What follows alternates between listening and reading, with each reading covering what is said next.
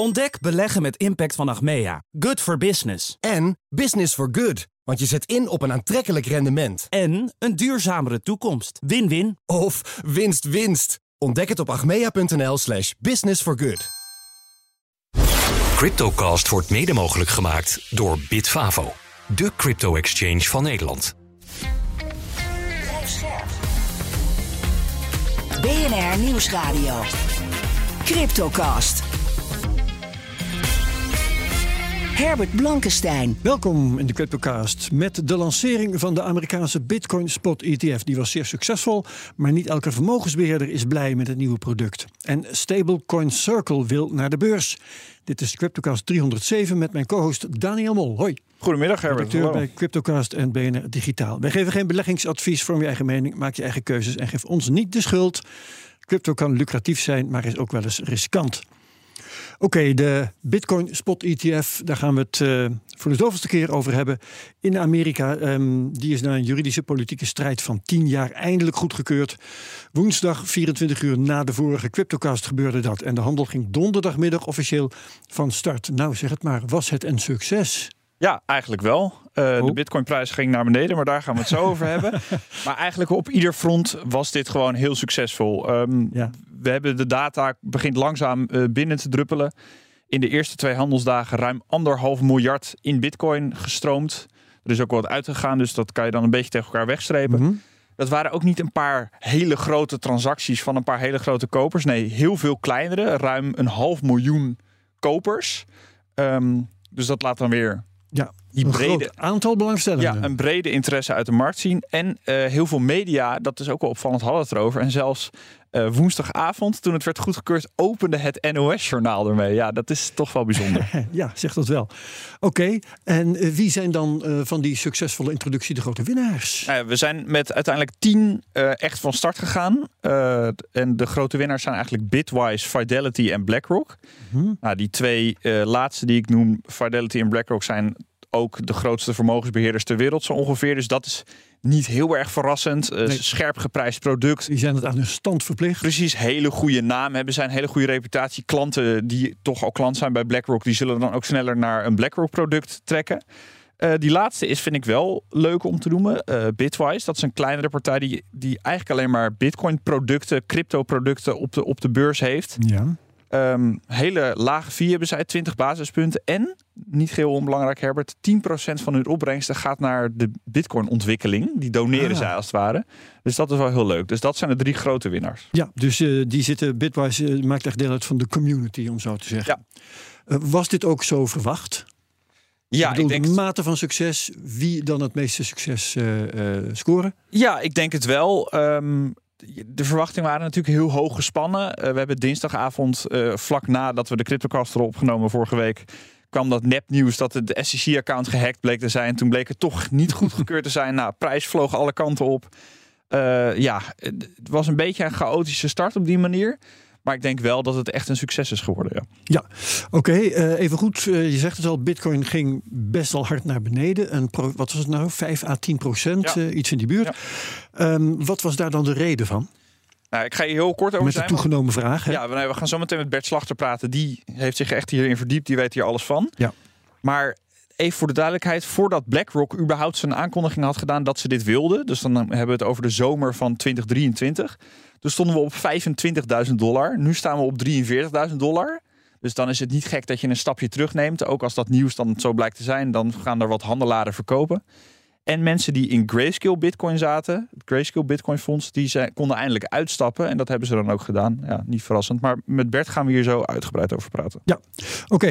Um, er was meer opmerkelijk nieuws op die lanceringsdag. Er zijn vermogensbeheerders en banken, waaronder dan Vanguard, Merrill Lynch, Citibank, die laten hun klanten niet handelen in deze mooie nieuwe producten. Hoe zit dat? Ja, toch best opvallend. Dat was eigenlijk uh, ja, in, in de Goed Nieuws Show die een beetje ontstond rond de lancering van deze ETF's, uh, was dit nieuws dan weer een beetje negatief. Um, Vanguard is een van de enigen die ons daar echt tekst en uitleg over heeft gegeven. Um, Ze vinden het niks. Hè? Dat nee, is ja. Ik, ik, ja. ik zou even eerst even schetsen. Vanguard is de op één na grootste vermogensbeheerder van, de, van Amerika en van de wereld dus. Dat bedrijf is echt oud. Het heeft min of meer het indexfonds uitgevonden eigenlijk beleggen, breed gespreid beleggen, goedkoop beleggen naar de massa gebracht, naar de, Amerika de gewone Amerikaan gebracht. En ze zijn dus ook best overtuigd van hun eigen filosofie. En die filosofie zit heel erg in een product waar je in belegt dat moet yield hebben. Dat is een aandeel dat betaalt dividenden uit. Een obligatie betaalt rente uit. Het moet iets produceren. Precies, het moet iets produceren. Bitcoin is dat niet. En daarom zeggen zij, ja, Bitcoin past gewoon niet in de filosofie die wij hebben over beleggen. Doen ze ook geen goud dan? Uh, nou, ze hebben niet een directe goud-ETF bijvoorbeeld, als een van de weinigen. Nou, dat is dus echt opvallend. De grote banken zoals uh, Citibank en Merrill Lynch, die je, niet, die je net noemde, die geven geen reden. Of hebben nog niet, niet een reden van gezien. Dus ja, het is. Kijk, van Vanguard begrijp ik het eigenlijk wel. Van die andere banken, ja, geen idee. Nee. Oké, ehm, we hebben het over de, de, de ETF's. Uh, we hadden het over de populairste ETF's. Uh, bedrijven proberen zich nu van elkaar te onderscheiden. Dat doen, dat doen ze met de fees bijvoorbeeld. Ja. Hè? Dat is een belangrijk verkoopargument. Um, ja, ze doen ook van alles aan marketing. Hoe werkt dat? Nou, BlackRock die heeft een, uh, een commercial gemaakt. En laten we daar eerst maar eens even naar luisteren. Digital asset adoption has significantly accelerated over the past decade, with profound implications for the future of finance. Bitcoin is the original cryptocurrency to gain global adoption and has continued to maintain its dominance despite thousands of others coming into existence. You might have noticed Bitcoin make its way into our everyday lives, from Bitcoin ATMs to various merchants accepting Bitcoin as payment, further driving interest in what the future holds for the cryptocurrency. Ja, niet dat we een nieuwe sponsor hebben. nee. Maar ik wilde even uh, dit laten horen om te illustreren de, de, de toon die BlackRock aanslaat tegenover zijn klanten. Dit is, ja. nou ja, normaal als een we... goed gesoigneerde uh, jonge vent met ja, een colbert. Zeker. Ja. Als we normaal het over crypto of bitcoin reclames hebben, dan is dat heel flashy. En je stapt in een nieuwe spectaculaire te technologie en we gaan de wereld veranderen. Nee, BlackRock, die eigenlijk een hele andere toon slaat die aan. Je zou ook zomaar kunnen denken dat dit reclame is voor trapliften of zo. Of voor een saaie verzekeraar. Natuurlijk. Alles straalt die rust uit. Dat vond ik wel heel erg leuk. Dus BlackRock gaat die strijd echt aan op een andere manier. Ja, uh, en, en, en de anderen, is daar wat van te zeggen? Ja, nog? nou, een andere leuke, die vond ik, dat vond ik Franklin Templeton. Dat is een hele ja. oude vermogensbeheerder, de, echt al meer dan 70 jaar oud. En zij hebben ook een Bitcoin ETF. In de eerste paar dagen deed hij echt niets. Niemand investeerde in Franklin Templeton. Um, gaandeweg hebben zij op Twitter hun plaatje veranderd. Dat, uh, hun logo is Benjamin Franklin, een van de, de, de founding fathers van oh, ja. de VS. Die hebben ze laserogen gegeven. Nou, dat is een grapje om een beetje een insider te zijn in de Bitcoin gemeenschap.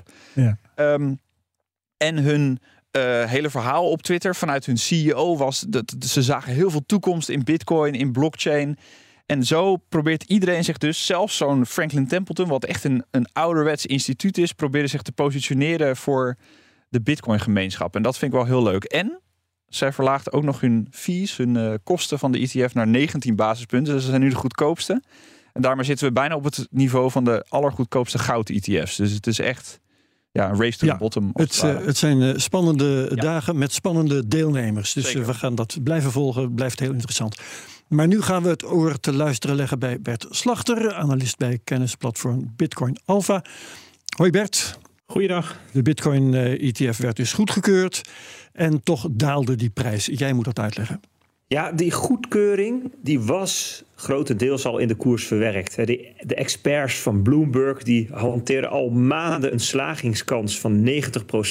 En de ETF-aanbieders zelf waren nog zekerder van hun zaken. De reclamefilmpjes die jullie net bespraken, een deel daarvan was, was al gemaakt voordat de goedkeuring er was. Klopt, ja. Nou, dan je bent je geld al aan het uitgeven, zeg maar. Ja. En, en, en, de koers die heeft daar al op gereageerd. Die is gestegen in drie maanden tijd van 27.000 dollar in oktober naar 47.000 dollar vlak voor de goedkeuring. 80% stijging. Ja, dat was het inprijzen van de komst van die ETF's. Nu zijn ze er. En nu ze er zijn, zijn er een aantal nieuwe geldstromen mogelijk gemaakt. Bijvoorbeeld, als eerste, de beleggers in GBTC, hè, dat is natuurlijk Grayscale Fonds, die kunnen nu voor het eerst in twee jaar kunnen ze uitstappen zonder boete, zonder dat ze een korting hebben. En een deel doet dat, zij verkopen. Tweede geldstroom is speculanten die winst nemen op die 80% stijging. Ze verkopen ook. Het derde, dat is dan de beleggers die nu kunnen kopen, omdat ETF's er zijn. Dat zijn de mensen die via die ETF's toegang willen en daarop gewacht hebben. Zij zullen, zouden kunnen kopen. Nou, en dan is de vraag hoe verhouden die drie zich tot elkaar? En tot nu toe is het zo um, dat er dus meer uitstroomt dan binnenkomt. En dat is eigenlijk helemaal niet zo gek. Dat is eigenlijk wel logisch. Nou, de koers is nu 43.000 dollar. Dat is 8% lager dan de dag voor de lancering. Je zou eigenlijk kunnen zeggen, ja, een beetje zijwaarts gegaan. Hè? Dus niet een enorme stijging, ook niet een enorme correctie. Nog. Um, en dat is eigenlijk, eh, zou je hiermee kunnen zeggen, dit sluit wel aan bij de jullie conclusie net dat het uh, overwegend positief is, deze lancering. Ja, ja en die uh, min 8%, dat noemen we geen, uh, geen crash.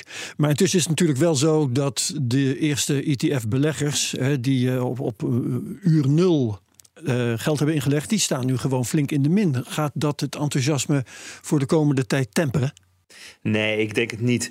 Um, het, het, het rekenen vanaf zo'n top is altijd een beetje um, uh, cherrypicking. Want er is uiteindelijk bijna niemand die daadwerkelijk op dat allerhoogste punt gekocht heeft. Het grootste gedeelte van het volume speelde zich af al rond de koersen die we nu zien. He, dus de ah. meeste mensen die ingestapt zijn, zijn dat bij iets lagere koersen. dus we, we, rekenen ook altijd vanaf de top van Bitcoin, vanaf 69.000. Nou, er is praktisch niemand die op dat punt, exacte punt gekocht heeft. Het grootste gedeelte mensen zit daar een stuk onder. Ja. Uh, wat wel weer opviel, dat was het Ethereum opeens aan een opmars begon. Is ook alweer een paar dagen tot stilstand gekomen hoor. Maar zo rond de tijd van, van die goedkeuring. Um, is dat het effect van dat uh, er ook Ethereum-ETF's nu in aanvraag zijn en dat nu de kans op goedkeuring daarvan is gestegen? Ja, Ethereum zit in een heel bijzondere positie. Een beetje gelijksoortig als die van Bitcoin. Namelijk, er is een groot grayscale fonds met Ether erin. Er zijn futures op de Chicago Mercantile Exchange, de CME. En er zijn op die futures gebaseerde ETF's al toegelaten tot de markt. En BlackRock heeft een aanvraag ingediend voor een spot Ether ETF. Ja. Dat is eigenlijk min of meer dezelfde situatie als waar Bitcoin zich de afgelopen half jaar in bevond. Dus wat, wat, wat beleggers en speculanten zich nu afvragen is: heeft de SEC argumenten om dit af te keuren zonder dat ze daarna een hele bak aan rechtszaken aan het broek krijgen? Ja, inderdaad. En ETF-experts um, die, die hebben, de ETF-experts van Bloomberg, die hebben informeel een schatting afgegeven van 50 tot 70 procent slagingskans van die ETF-aanvragen. En dat zorgt voor, nou ja, je zou kunnen zeggen, terugkeer van de interesse van beleggers naar Ether toe. Ja, en dan springt die koers op. De koers van Ether ten opzichte van Bitcoin steeg 20 procent afgelopen week. Ja, um, maar waarom zou die slagingskans maar 50 tot 70 procent eh, zijn? Want er zijn al uh, futures ETF's voor Ether. Er zijn nu spot-ETF's voor Bitcoin. Waarom zou de, wat voor argument zou de SEC in vredesnaam nog uit de kast moeten halen om een spot-ETF voor Ether af te keuren? Nou, als je goed kijkt naar de onderbouwing van de toelating van de Bitcoin-ETF's, dan zit daar een onderdeel daarvan is dat ze een analyse hebben gedaan van de samenhang van de futuresmarkt en de spotmarkt van Bitcoin, om aan te tonen dat er voldoende surveillance mogelijk is tegen marktmanipulatie. En het zou kunnen dat uit eenzelfde soort onderzoek bij Ether onvoldoende samenhang komt. Dan hebben ze een geldig argument. Mhm. En daarnaast spelen natuurlijk nog heel veel politieke uh, argumenten. Hè. Dus um, de, de Democratische Partij, die een bepaalde gedeelte daarvan, die wil dit absoluut niet. En uh, Gary Gensler heeft politieke ambities. Dus dat zijn allemaal dingen die op de achtergrond een rol spelen. Dus het, dus het zou kunnen ook bijvoorbeeld hè, dat ze het nu afwijzen en dan pas later toestaan of iets dergelijks. Daar komt die 30 tot 50 procent afwijzingskans nog van. Ja, is BlackRock de enige tot nu toe met een aanvraag voor een spot Ether ETF? Nee, zeker niet. Er zijn nu acht aanvragen, geloof ik. Ah. De eerste is die van, uh, van Eck. De tweede die is van ARK Invest. Um, dan komt later ook BlackRock. En ergens tussenin zit ook de uh, aanvraag voor de omzetting van het Grayscale Fonds. Dus het is een vergelijkbaar rijtje als bij Bitcoin destijds. Ja, en wanneer gaat de SEC hier voor het eerst een uitspraak over moeten doen? 23 mei. Dan is de deadline hmm. van de eerste aanvraag. Oké. En gaat er nu een hele lawine komen. Hè? Want uh, ja, Ether is er dan één. Maar uh, ja, weet je, uh, XRP, Cardano, je kunt hele mandjes, daar kun je ETF's van aanleggen van, van cryptomunten. Hoe gaat dat verder? Nou ja, de SEC die noemt Bitcoin expliciet een spot commodity product. En de voorzitter Gary Gensler die had in zijn toelichting over een there is one non-security commodity, Bitcoin. En um, hij zegt daarbij dat de SEC ervaring heeft met toezicht op spot non-security commodities, zoals edelmetalen. Dus hij, hij, hij, hij bakent heel duidelijk af wat hij vindt dat uh, er in ETF's terecht mogen komen. Dus alles waarvan de SEC nu stelt dat het een security is, zoals Ripple en Cardano, hè, dat zijn voorbeelden die ook in rechtszaken door de SEC zijn aangemerkt als securities, die kunnen niet zomaar die Bitcoin-ETF als precedent nemen. Um, en een ander punt is dat in de, in, in de, in de toelichting op goedkeuring dat, um, dat, dat verband tussen die futuresmarkt en die spotmarkt wordt genoemd. Ja, voor, voor, voor Ripple en voor Cardano is er nog geen futuresmarkt bij de CME, geen gereguleerde futuresmarkt. Uh, dus ik denk zelf dat Ether nog een redelijke kans maakt en dat eigenlijk alles daarna pech heeft tot er duidelijke wetgeving komt vanuit de Amerikaanse overheid. En daarvoor moeten we denk ik nog in ieder geval wachten tot er een nieuwe president is, want in deze termijn gaat dat niet meer gebeuren. Oké, um, wat de prijzen van crypto's betreft, uh, kunnen we volgende week alweer bij jou terecht. Gaan we dan ook doen. Dankjewel. Bert Slachter, analist bij kennisplatform Bitcoin Alpha. Ja, cryptobedrijf Circle wil nu naar de beurs. Dat is de uitgever van de belangrijke USDC stablecoin. Die deed in 2022 al een poging, dat mislukte. En nu de cryptomarkt er weer wat beter voor staat, proberen ze het gewoon nog eens. Daniel, voor de luisteraar die het even kwijt is, uh, hoe werken stablecoins ook alweer? Eigenlijk zijn het uh, crypto-producten die goed uh, gekoppeld zijn aan een andere asset. En als ik een andere asset bedoel, dan heb ik het vooral over dollars. Want ja. daar, daar gaan dus de meeste stablecoins toch vooral over. Um, het werkt als volgt. Voor elke stablecoin die er in omloop is, voor elke token, elke tether, elke USDC die er in omloop is, ligt er 1 dollar in de kluis. Dat is althans het idee. Ja. En die stablecoin blijft dus altijd stabiel staan op de waarde van 1 dollar. En dat maakt dus heel makkelijk voor, voor handelaren om in en uit te stappen zonder dat je het crypto-ecosysteem moet verlaten. En stablecoins zijn ook uiteindelijk uh, uh, ontstaan als een, als een heel belangrijk zeg maar, gegroeid tot een heel belangrijk betaalmiddel voor mensen die niet zomaar toegang hebben tot dollars. Maar wel dus heel makkelijk in tethers bijvoorbeeld kunnen betalen. Ja, en dat is onder andere van nut op uh, exchanges bijvoorbeeld. Hè? Ja, zeker. Nee, maar ook gewoon, uh, stel je voor je woont in Venezuela, ik noem maar wat, waar je toch graag dollars zou hebben ten opzichte van de lokale valuta daar, omdat die dollar toch een st stuk stabieler is in zijn waarde. Dan is het makkelijker om in tethers te kunnen handelen dan in echte fysieke of, of bankdollars. Ja, want tellers, uh, dat kan digitaal en zijn makkelijk te krijgen. Precies, je kan met, uur per dag. makkelijk met je telefoon, hoef je geen account voor aan te maken, et cetera. Ja, oké. Okay, um, ja, dat, uh, dan wil Circle dus naar de beurs. Uh, dan krijgen we een nieuw beursgenoteerd cryptobedrijf na Coinbase. Ja. Waarom wil Circle dit?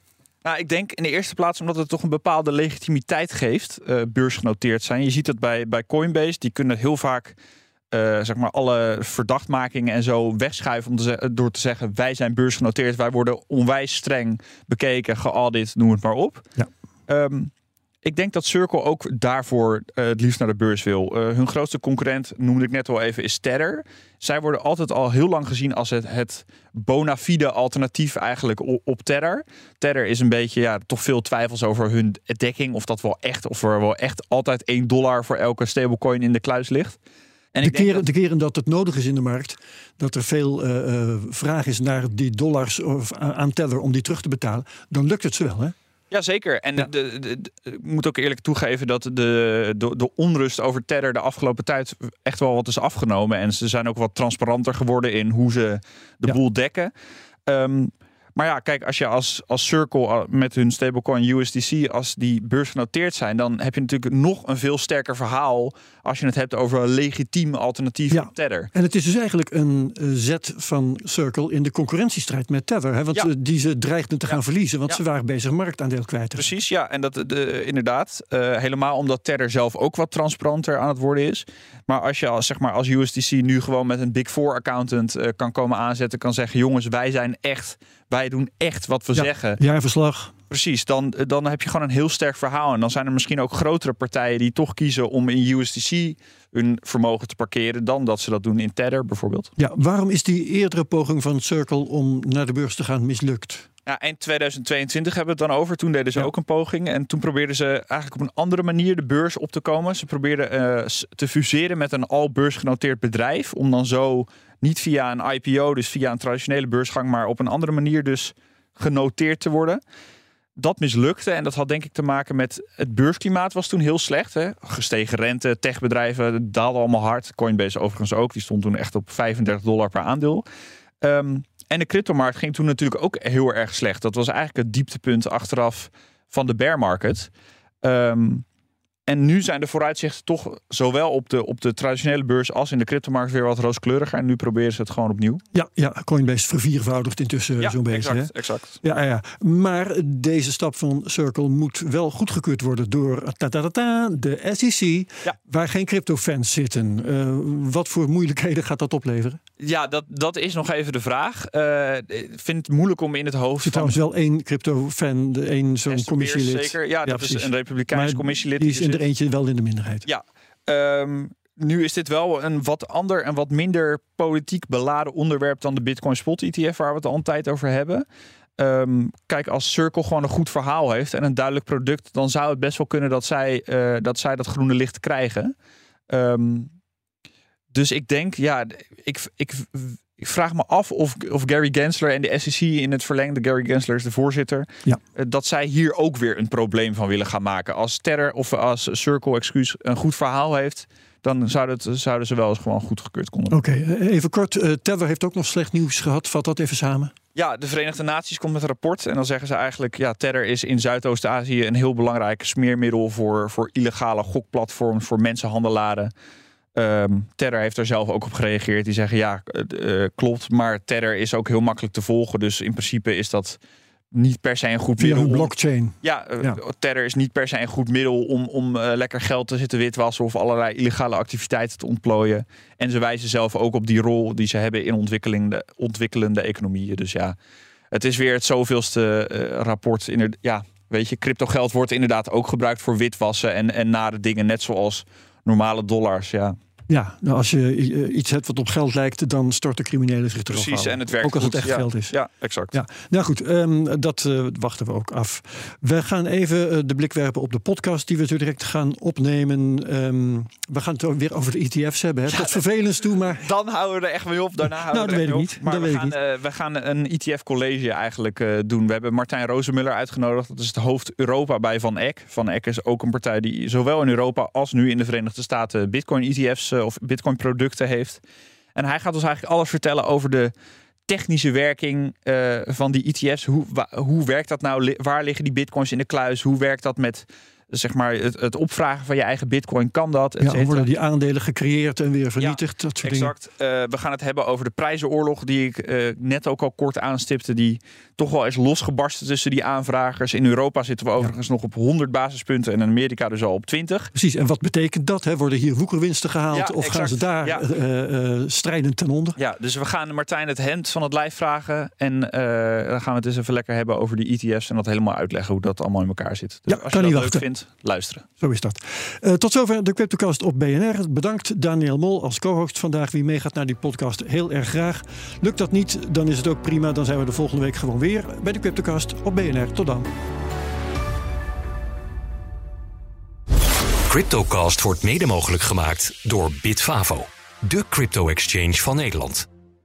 Ontdek beleggen met impact van Achmea. Good for business. En business for good. Want je zet in op een aantrekkelijk rendement. En een duurzamere toekomst. Win-win. Of winst-winst. Ontdek het op achmea.nl slash business for good.